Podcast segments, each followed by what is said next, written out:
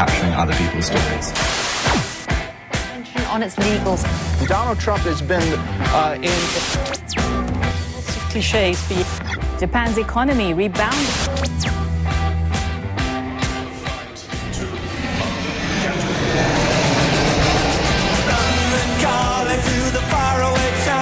John Carlin, bon dia i bona hora. Buen día, Roger. Què tal, com estàs, John?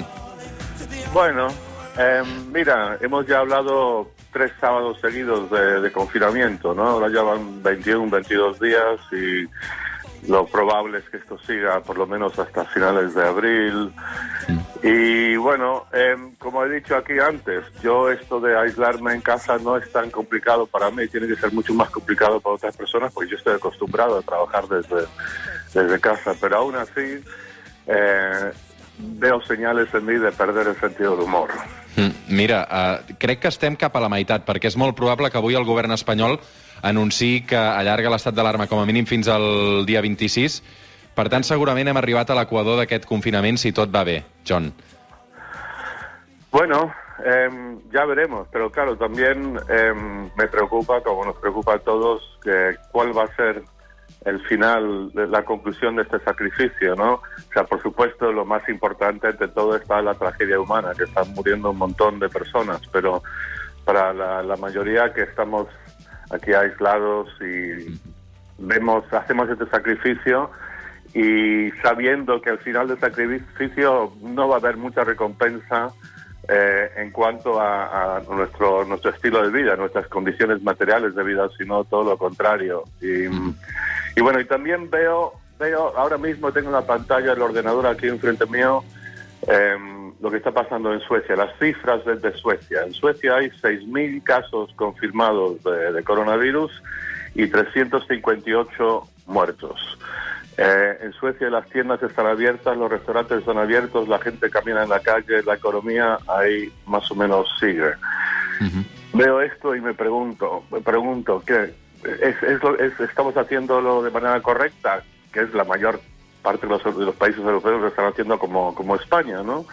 Em, pero mira, más que nada lo que tengo aquí es confusión. O sea, gente como yo que escribimos columnas en diarios, se supone que vamos a dar un poco de claridad y lucidez, pues no, yo tengo aquí impulsos contradictorios y, y no sé qué pensar, pero, pero esto de estar aquí hasta finales de abril o quizá más adelante, uff, Uh, es fa pesat, uh, és evident que es fa pesat. John, això va començar a la Xina, es va extendre per Europa i ara comença a recórrer tot Àfrica. I, evidentment, Àfrica um, és un continent pobre. Tu que coneixes realment um, Àfrica de prop, uh, clar, tot això uh, pot ser una crisi molt més agreujada de la que estem veient a Europa o hem vist a la Xina, no? Sí, no, mira, hablando de, de- de otros países distantes, te, te puedo hablar creo con un poquito más de nitidez porque no tengo mis circunstancias de, la- de la- mi hijo, de, de mi familia aquí en, en juego.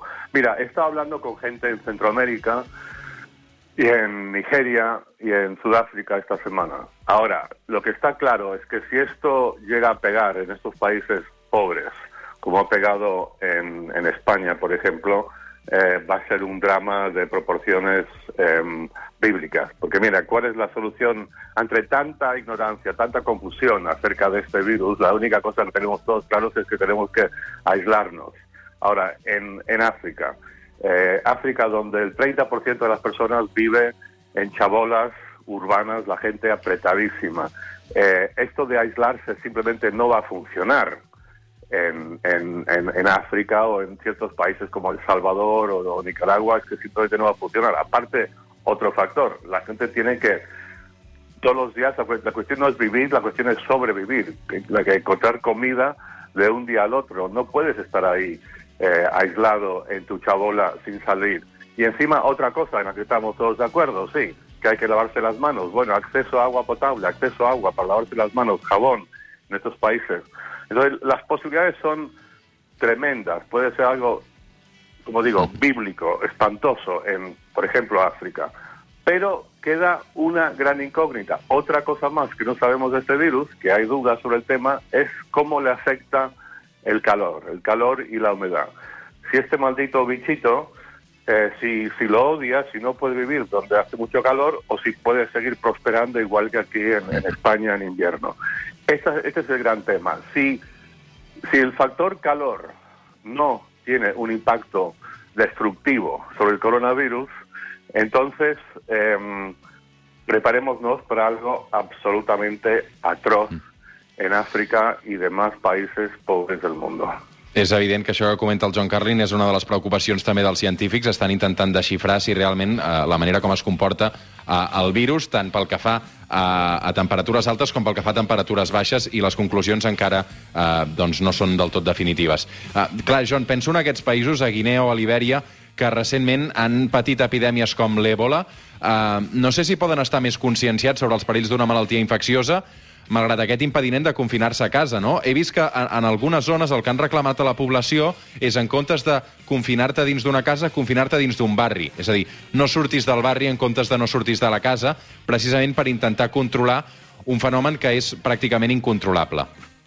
Sí, bueno, mira, hay algo que, que, que tienen que países como Liberia o Sierra Leona, una, una ventaja que tienen, ventaja entre comillas, de que tienen experiencia de estas epidemias, tienen experiencia de convivir con, con terribles enfermedades. Por ejemplo, la malaria. La malaria mata a más de medio millón de personas en África eh, to- todos los años y la gente convive con esto. Quizás tiene ciertos mecanismos que, les ayuden a, controlarlo y también, claro, la medicina, los sistemas sanitarios están muy por debajo de lo que tenemos aquí en Europa, pero también están más preparados para este tipo de desastres que, que nosotros.